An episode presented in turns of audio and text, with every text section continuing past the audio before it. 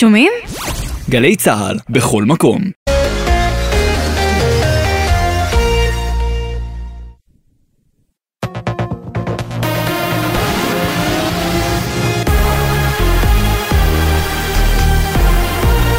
גלי צה"ל השעה שבע, ערב טוב, באולפן עמית קלדרון עם מה שקורה עכשיו. המאבק סביב התוכנית המשפטית. ראש הממשלה בנימין נתניהו קורא הערב לאופוזיציה, בואו להידברות. אז אני קם, ואני קורא מכאן, בואו נדבר, כאן ועכשיו, בלי תנאים מוקדמים, בלי תירוצים, כדי שיחד נשיג הסכמה רחבה לטובת כל אזרחי ישראל, לטובת המדינה של כולנו. ראש האופוזיציה יאיר לפיד אמר בתגובה, זה לא הזמן לסיסמאות שקריות. צלצל לנשיא, תודיע לו שאתה עוצר את כל תהליכי החקיקה ומתחיל הידברות. גם חברת מפלגתו של לפיד, חברת הכנסת קארין אלהרר, הגיבה על דברי נתניהו ואמרה לעמית תומר וסמי פרץ בתוכניתנו החיים עצמם, הם לא רוצים הידברות. נשיא המדינה קרא להם בשבוע שעבר לעצור את החקיקה. מה הדבר הבא שקרה? רוטמן העביר את זה בהכנה לקריאה ראשונה בוועדה. קראנו לשר המשפטים, עצור את החקיקה. הוא אומר, אני מושיט לכם יד, וביד השנייה הוא חותם על הקריאה הראשונה. הם לא רוצים הידברות. אם היו רוצים הידברות, לא היינו בכלל צריכים להגיע למתווה הנשיא. רגע שנייה, בואו נחשוב. אולי קודם נייצר כללי משחק. סיטי בנק, הבנק השלישי בגודלו בארצות הברית, שלח היום הודעה ללקוחותיו שבה נכתב כי גם אחרי הירידות של השקל היום, המטבע הישראלי ירד ב-8% נוספים לרמה של 3 שקלים ו-95 אגורות. בהודעת הבנק נכתב המטבע הישראלי נתון ללחץ מהסביבה הפוליטית המקומית. המצב הפוליטי עשוי להפוך לתנודתי יותר בשבועות הקרובים ככל שהרפורמה המשפטית תתקדם לקריאה שנייה בכנסת. כתבנו הכלכלי ישראל פישר מזכיר כי מוקדם יותר היום נקבע שערו היציג של השקל על 3 שקלים 64 אגורות ו-9 עשיריות האגורה, וזה השער הגבוה ביותר מאז אפריל 2020. ילד בן תשע נדקר בגבו במהלך קטטה ברהט. צוות מגן דוד אדום העביר אותו במצב בינוני למרכז הרפואי סורוקה בבאר שבע. כתבנו בדרום רמי שני מוסר כי המשטרה חוקרת את נסיבות המקרה. נשיא ארצות הברית ג'ו ביידן נאם הערב בפולין לאחר שחזר מביקור ראשון בקייב, לראשונה מאז תחילת המלחמה לפני שנה. ביידן אמר בנאומו, פוטין חשב שניפול, היום אנחנו מאוחדים יותר.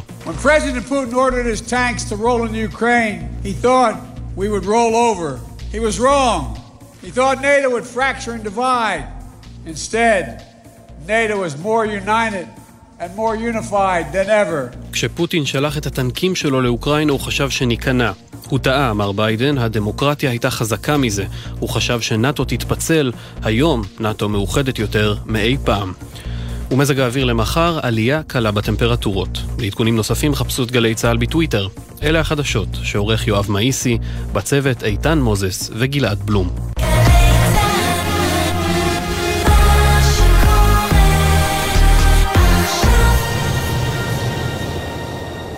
בחסות תשע ביטוח, המציע ביטוח רכב דיגיטלי בלי להתמקח עם נציג, כי ההנחות כבר באתר.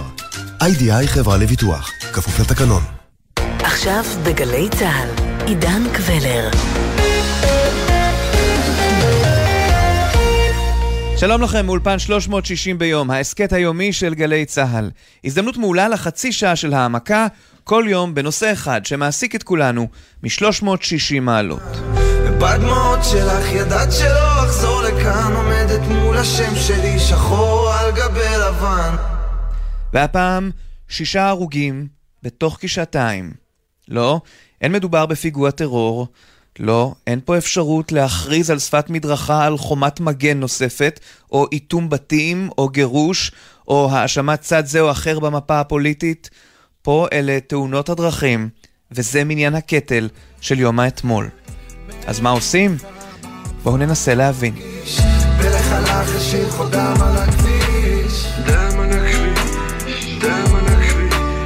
אם יש רגע אחד שבו הכנסת כולה התאחדה ביום המשוסע והמפולג כל כך של ההצבעה בקריאה ראשונה על הרפורמה המשפטית, הרי שהיה זה הרגע שבו חבר הכנסת בועז טופורובסקי מיש עתיד נכנס למליאה לאחר חודש שבו שהה בהחלמה מתאונת דרכים קשה.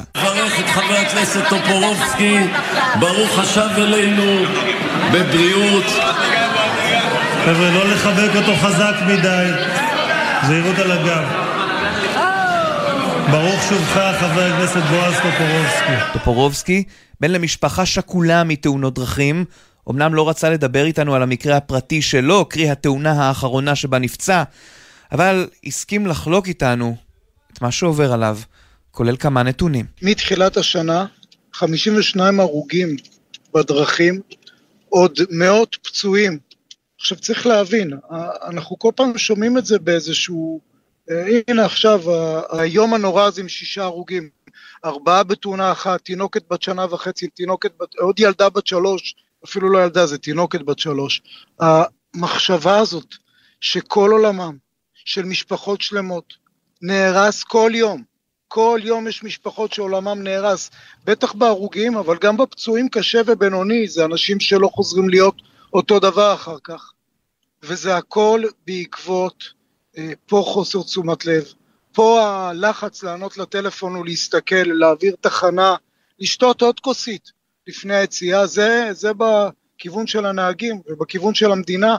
איכשהו זה אף פעם לא מספיק מעניין.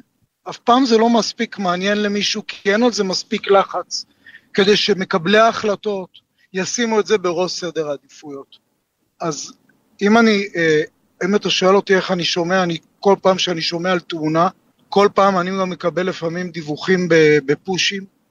הלב שלי זה כאילו מישהו תופס אותו עם, עם אגרוף וסוגר את היד, סוגר את היד לאגרוף בעצם. וככה מוחץ לי את הלב, כי אני לצערי יכול לתאר מניסיון מה עובר על אותה משפחה, מה עובר על אותם אנשים. מי שכן מנסה לעשות משהו היא הדוקטור עילית אופנהיים, היא מנהלת מכון שלמה שמלצר לתחבורה חכמה באוניברסיטת תל אביב, שחוקרת את האפשרויות לפתרונות כלשהן. זה נושא מאוד, אה, מאוד כאוב, ולצערי הרב, אם מסתכלים אה, היסטורית במדינת ישראל, אז אנחנו מדברים על, בממוצע, כן, אה, לאורך השנים, של כמעט בן אדם ליום מדי שנה.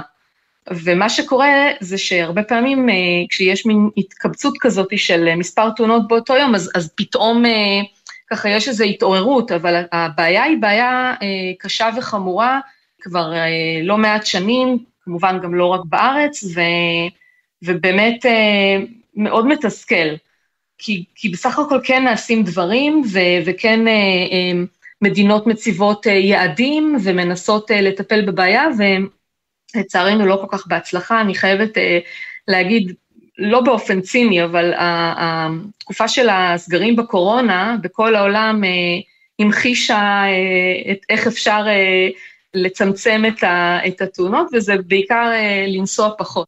הדוקטור יעקב שיינין היה שם עוד הרבה לפני הקורונה, הוא בעבר יושב ראש הרשות הלאומית לבטיחות בדרכים, והוא סבור שאפשר היה גם אחרת. לי מעבר למה שקורה לכולם, זה גם מרגיז, כי זה מיותר. היינו יכולים לרדת במקום להיות ב-350 הרוגים לשנה, ופחות מ-200 הרוגים לשנה. וזה כאילו בזבוז, זה דבר שלא צריך להיות. שאנחנו יכולים למנוע את זה. אני הייתי יושב ראש הוועדה שכתבה את התוכנית הלאומית לבטיחות בדרכים ב-2005, והממשלה קיבלה את זה בזמנו, ממשלת שרון. כלכלית כדאי להשקיע יותר בבטיחות בדרכים, כי זה חוסך כסף. מעבר לשכול, לצער, לסבל, לכל הדברים האלה, אני חושב שזה דבר שהוא על בסיס כלכלי, כדאי להשקיע יותר, כי עלות תאונות דרכים, היא מאוד גדולה למשק הישראלי. אז הבנו כבר מחבר הכנסת בועז טופורובסקי שהמדינה לא עושה מספיק, לפחות לדבריו. למה בעצם? אני יודע, כמי שנמצא בכנסת ישראל, שהמדינה לא עושה מספיק. היא מדברת, לפעמים היא משתדלת, לפעמים פה ושם יש איזשהו לחץ, אבל זה נגמר, נעלם, וישר בא משהו יותר מעניין תקשורתית, כמו מהפכה משפטית, או פיגוע, או מלחמה. אבל צריך לשים לב, יש יותר הרוגים בתאונות הדרכים מקום המדינה, יותר הרוגים בתאונות הדרכים מכל מלחמות ישראל. אם היה היום פיגוע שהיו נהרגים בו שישה בני אדם, או שני פיגועים שאחד היו נהרגים ארבעה ואחד שניים, ובאלה שנהרגים ארבעה יש שני תינוקות, כל המדינה הייתה עכשיו מדברת רק על זה, כל מערכת הביטחון הייתה עומדת על הרגליים והיו מוציאים מיליארדים, מיליארדים כדי. למצוא את הפוגעים, ובצדק דרך אגב, וכדי להגן כדי שלא יהיו כאלה פיגועים בעתיד. תאונות הדרכים צריך להוציא הרבה פחות, ואפשר להציל מאות אנשים בכבישים מדי שנה. עוד לפני שנגיע לשאלה מה אפשר לעשות שלא נעשה מספיק, הרי שיש שאלה אחרת, עוד קודם לכן, מה גורם לתאונות? האדם שבמכונית או התשתיות במדינה?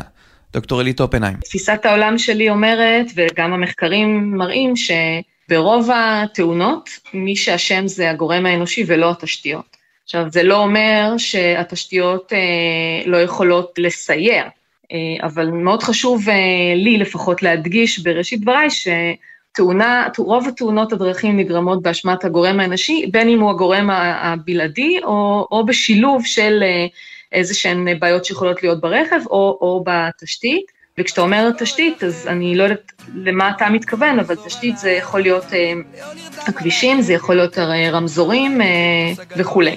אז, אז זה מאוד חשוב לי להדגיש את זה, כי אני חושבת שעיקר הפתרון הוא, הוא דווקא צריך לבוא ממקומות שמטפלים בבעייתיות בגורם האנושי. יובל טס לבאר שבע על 140, נסיעה באמת פראית. ביקש סיגריה, הפנה את הראש ונכנס לתוך משאית. את ורד ורוני מצאו בתהום, בכביש בין דימונה לאילת, ואבא שלו בכה על הקבר. התחננתי שייסע לאט. לכך מצטרף גם חבר הכנסת בועז טופורובסקי.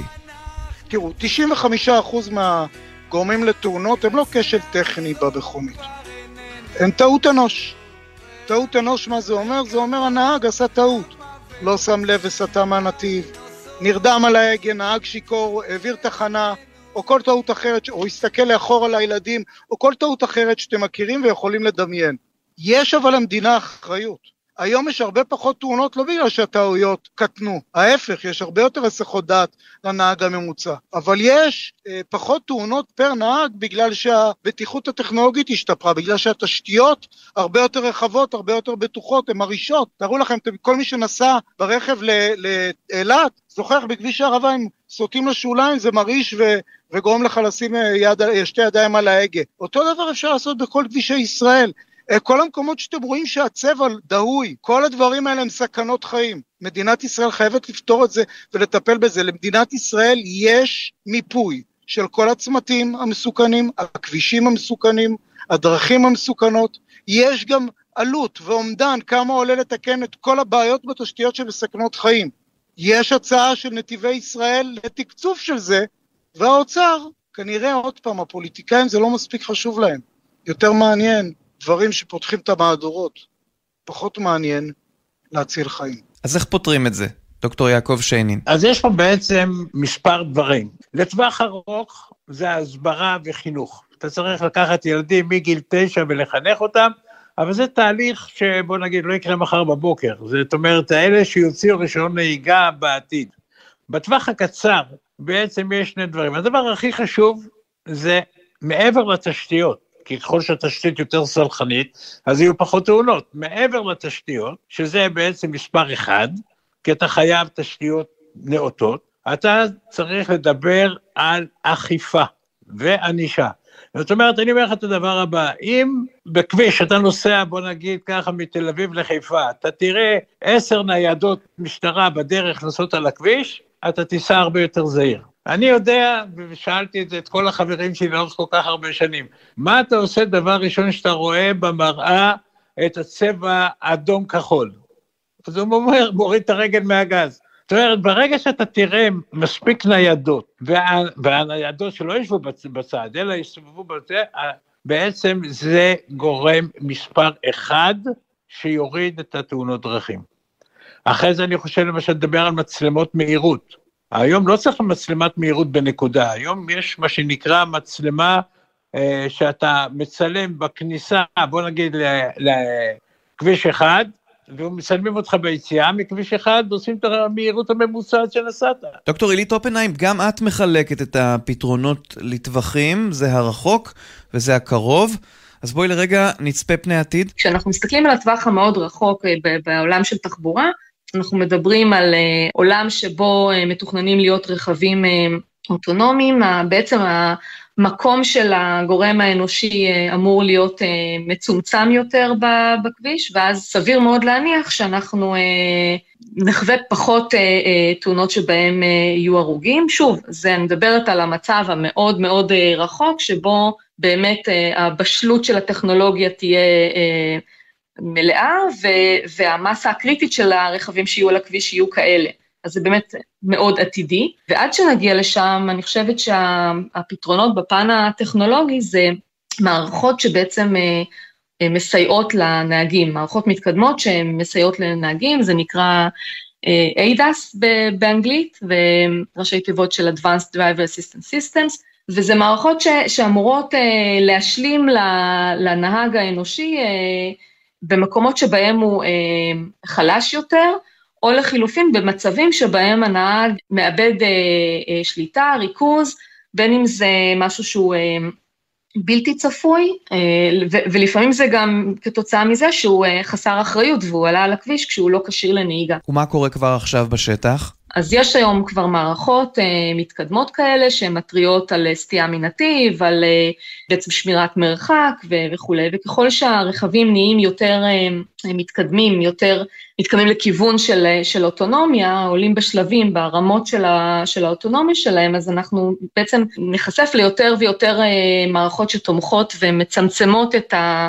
את שיקול הדעת או, או את זמן התגובה ש, שהוא בדרך כלל מוגבל אצל הנהג האנושי. עוד אלמנט שהוא, שוב, הוא טכנולוגי והוא בא לסייע אה, לנהג, זה מה שנקרא תקשורת V2X, זה בעצם היכולת של הרכב אה, לתקשר עם, עם שאר העולם שסביבו, בין אם זה רכבים אחרים, רמזורים, הולכי רגל וכולי, וגם פה, ברגע שהטכנולוגיה תבשיל ותהיה גם אה, פרוסה בהיקפים גדולים וגם אה, אה, אמינה, אז, אז גם זה יכול להיות אמצעי שיסייע בהפחתה של, של תאונות, כי יש פה איזשהו, איזשהו, איזושהי הסתכלות מתכללת של כל מערכת התחבורה, שכוללת גם את כלי הרכב, הנהגים, הולכי הרגל, התשתיות, ובעצם איזושהי הסתכלות שאמורה להיות יותר הוליסטית ויותר בטוחה.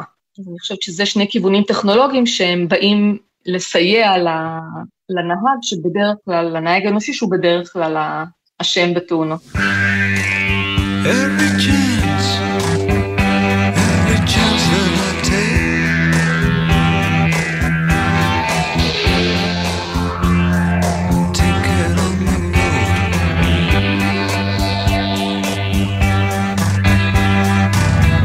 בהמשך לדבריה של דוקטור אופנהיים, נחזור אליך, חבר הכנסת טופורובסקי. אילו פתרונות כן אפשר לקדם מנקודת המבט שלך בעניין? יש המון שניתן לעשות שעוד לא נעשה. אה, מאבק בתאונות הדרכים, יש בו גם אלמנטים שהם יקרים מאוד, כמו שיפוץ כבישים, מחלפים וכולי וכולי, ואז אפשר היה להגיד אין כסף, צריך לטפל בזה, אבל יש הרבה מאוד נושאים שאפשר לטפל בהם במעט כסף. למשל, טכנולוגיה. תארו לכם שאתם נוסעים בכביש והייתם רואים רחפנים עם צ'קלקה של משטרה בכל קילומטר שניים. כולם היו נוסעים לפי החוק, כי הם היו מרגישים שהמשטרה נמצאת, לא היה צריך ניידת ושוטר, אפשר פשוט לעשות את זה עם רחפנים. התחלנו, הוספנו עשרה מיליון שקל למשטרת התנועה בשביל אמצעים טכנולוגיים. אה, אפשר, למשל, להוסיף ו- ולדאוג שהיבואנים יביאו את הרכבים עם הטכנולוגיה הכי מתקדמת לבטיחות בדרכים.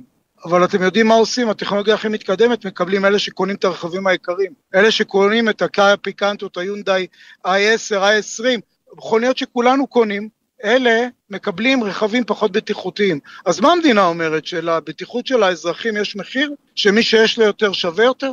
אפשר לעזור במערכת החינוך, כמו שאמרנו, למצוא תו תקן למערכת חינוך, לא לפתוח בית ספר, עם כל, עם כל הדרכים האלה הן דרכים אה, לא בטיחותיות. אז כמה זה בכסף, דוקטור יעקב שיינין, והאם לדעתך טיוטות חוק ההסדרים לקראת תקציב המדינה המופצות פה ושם הופכות אותך לאופטימי? אני מקווה שבתקציב המדינה הנוכחי יקציבו, תראה, אני, אני אגיד לך בדיוק את, את הגודל.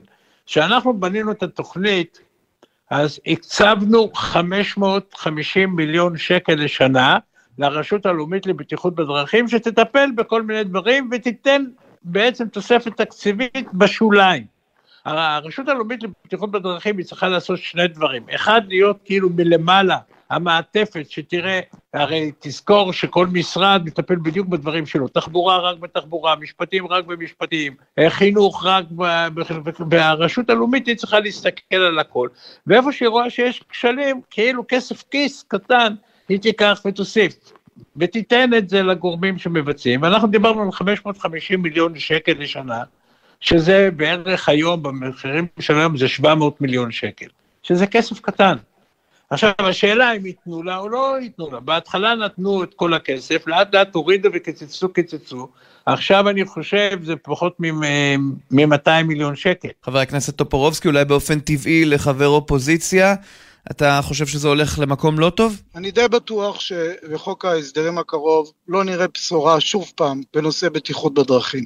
אמנם, כמו שאמרתי מקודם, אפשר להציל מאות אנשים, ואני לא מגזים, מאות אנשים בשנה, זה יותר מכל מלחמות ישראל, ולא הרבה כסף. גם הרשות הלאומית לבטיחות בדרכים גם העומד בראשה, אבי נאור, אמרו את זה. תנו לנו עוד 100-200 מיליון שקל ונציל הרבה מאוד חיים. לא, לא יעשו את זה לדעתי כל כך מהר בחוק ההסדרים, והלוואי ואני אטעה. אנחנו, ואני, ואומר כמי שמרכז את האופוזיציה, תמיד נתמוך בכל מהלך שיגביר את הבטיחות בדרכים, וכל מהלך שיציל חיים. גם מבחינה כלכלית, העלות של תאונות הדרכים למשק הישראלי 17 מיליארד שקל. תקציב הרשות לבטיחות, הלאומית לבטיחות בדרכים הוא 80 מיליון שקל.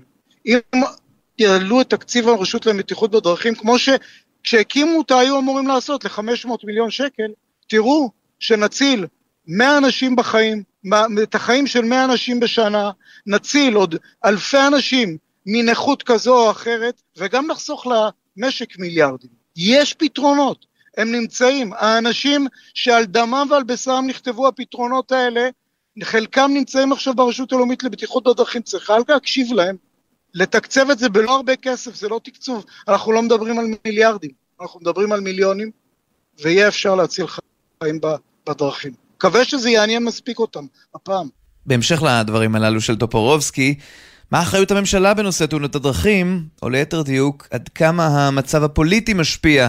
דוקטור עילית אופנהיים. הממשל המאוד לא יציב, ש, שמשתנה מדי uh, תקופה קצרה, לא מאפשר בכלל uh, הגדרות uh, יעדים, זה תהליך uh, מאוד, מאוד uh, גם סיזיפי, אבל תהליך מאוד ארוך. אתה מרגע שאתה אה, בונה תוכנית ומגדיר ובונה תקציב עבורה וממנה את האנשים הראויים לבצע את המשימות האלה, אם, אם הדברים האלה לא יציבים, אז אתה לא, לא כל כך אה, מצליח לממש את זה. אז עד הממשלה הקודמת, גם לא הייתה תוכנית ולא הייתה, לא היה אה, רלב"ד מתפקד לצורך העניין, זה משהו שכן קרה בממשלה הקודמת, ואני מאוד מאוד מקווה שיהיה להם אה, את הפלטפורמה הנכונה לממש את, ה, את התוכנית שלהם, אבל זה לא ספק מגיע מ... צריך להגיע מראש הפירמידה, בהגדרת יעדים, בהגדרת תקציבים, וסדרי עדיפויות, אכיפה. כשהזכרתי את הקטע של הגורם האנושי, בסוף אה, הפתרונות צריכים לבוא ממקום של חינוך ואכיפה, אוקיי? ב, ב, ב, בראשית הדרך. ובשביל אה, לקיים אה, תוכניות חינוך אה, רחבות לכל האוכלוסיות, בכל הגילאים, מהגיל הרך, בכל האוכלוסיות, אני מדברת גם בכל המגזרים, כי יש מגזרים שהם פגיעים יותר מסיבה כזאת או אחרת, וזה צריך להיות גם חלק ממדיניות שנכנסת מלמעלה, מהממשלה, דרך המשרדים הרלוונטיים, וממומשת, וזה לצערנו עד היום קרטע. לפני סיום, לך, חבר הכנסת בועז טופורובסקי, יש מסר שאתה רוצה להעביר למאזינים, בדיוק בגלל שאתה אחד שמכיר את הנושא בצורה כל כך קרובה וכואבת. אני רוצה לנצל את ההזדמנות לפנות לכל הנהגים שמאזינים לשידור. אם אתם מאזינים זה אומר שאתם מבינים את הסכנה. אנא מכם, לא יקרה כלום, אני אומר לכם מניסיון. אם תחליפו את התחנה כשיהיה רמזור אדום, אם לא תענו לטלפון, אם לא תסתכלו בהודעה, ואם תגידו לילד שצורח מאחורה, אני לא יכול להסתכל חמוד, אני נוהג ואסור להסיט את העיניים מה, מהכביש. הדברים האלה יכולים אולי להישמע מוזר וטרחני, אבל הם מצילים חיים שלכם ושל האנשים שאתם הכי אוהבים בעולם. אז אנא מכם, סעו בזהירות. נוסעים במכונית הישנה לתוך הלילה הרטוב הגשם שוב נהיה כבד ולא רואים ממטר, סע לאט. צבי אומר שגשמים כאלה מזיקים לחקלאות, ואני חושב כמה חם בבית. עד כאן 360 ביום, ההסכת היומי של גלי צה"ל. בכל יום 30 דקות של צלילה לתוך נושא אחד שמעסיק את כולנו מ-360 מעלות. אנחנו זמינים לכם ביישומון גלי צה"ל ובכל יישומוני ההסכתים המובילים. ברדיו החלפון של הגשש פתאום התחילו חדשות הלילה ירד ברד כבד אצלי הלך אבישר צבי אומר שקר לו בראש העורך הוא נמרוד פפרני, המפיקים יונתן שגב ונועה ארז. על הביצוע הטכני דניאל חיון וניביה רוקר. בפיקוח הטכני גריים ג'קסון. עורכת הדיגיטל היא מיה אורן. אני עידן קבלר. שלום. סע לאט, סע לאט, תן למחשבות לרוץ לכל הכיוונים. לא יתחילו בלעדינו, סע לאט, סע לאט. נוסעים במכונית הישנה לתוך הלילה הרטוב. מחר אני יקום מוקדם, תראה יהיה בסדר. צבי אומר שקשה לו לנשום ונגמרו לו הטיפות. ואני חושב, אני חושב עלייך. ואין שאת יודעת לפנק, אני אוהב אותך. סע לאט, סע לאט.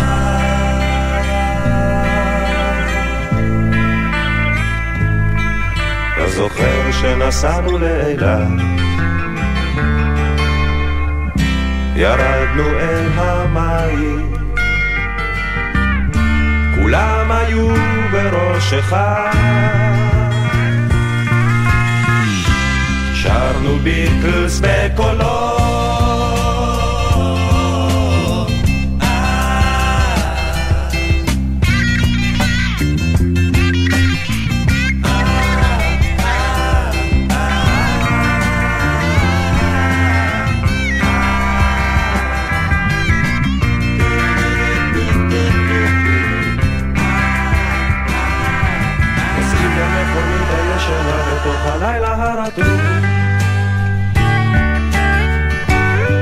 הגשם שוב נהיה כבד ולא רואים ממטר.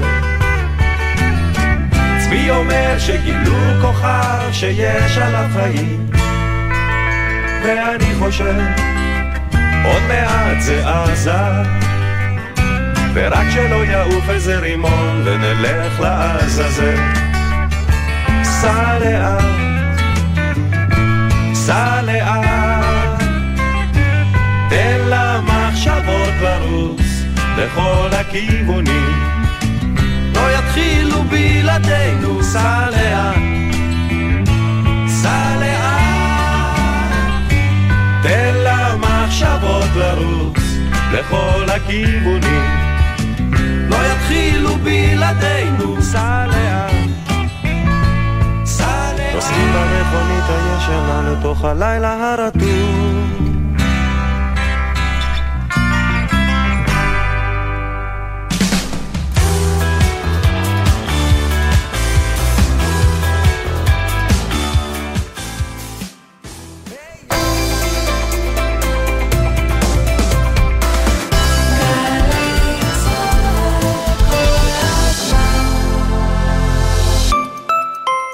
אני ירון מבת ים, אני גר בדירת אקים, בקהילה. אקים עוזרת לי להיות שווה. אקים מסייעת לכ-35 אלף אנשים עם מוגבלות שכלית להשתלב בחברה הישראלית. אקים, להיות שווים. לתרומות היכנסו לאתר אקים ישראל. שונים אבל בפנים בווינר, ליברפול נגד ריאל מדריד ופרנקפורט נגד נפולי בשמינית גמר ליגת האלופות. יודע מי תנצח? ייכנס לתחנה, לאתר או לנייד ותוכל להרוויח. כי אם לא תשלח... איך תיקח? נוסעים לירושלים? מהיום יכולים להגיע אחת-שתיים. בשורה לנהגים ולנוסעים. משרד התחבורה מציג נתיב פלוס שתיים. במקום שלושה נוסעים, הנסיעה מותרת לשניים ומעלה. עוקפים את הפקקים ומקצרים את הנסיעה גם ברכב עם נוסע נוסף. טובים השניים בנתיב פלוס שתיים. כביש אחת ממחלף דניאל ועד מנהרות הראל. שימו לב, הנתיב פועל בימים א' עד ה' בין 6 וחצי ל-9 וחצי בבוקר, ובשישי בין 12 ל-5 אחר הצהריים. ביתר שעות היממה, הנסיעה חופשית לכולם. עוד מידע באתר, מגיש משרד התחבורה. שמעון בוסקילה, במופע מלא נשמה וקטע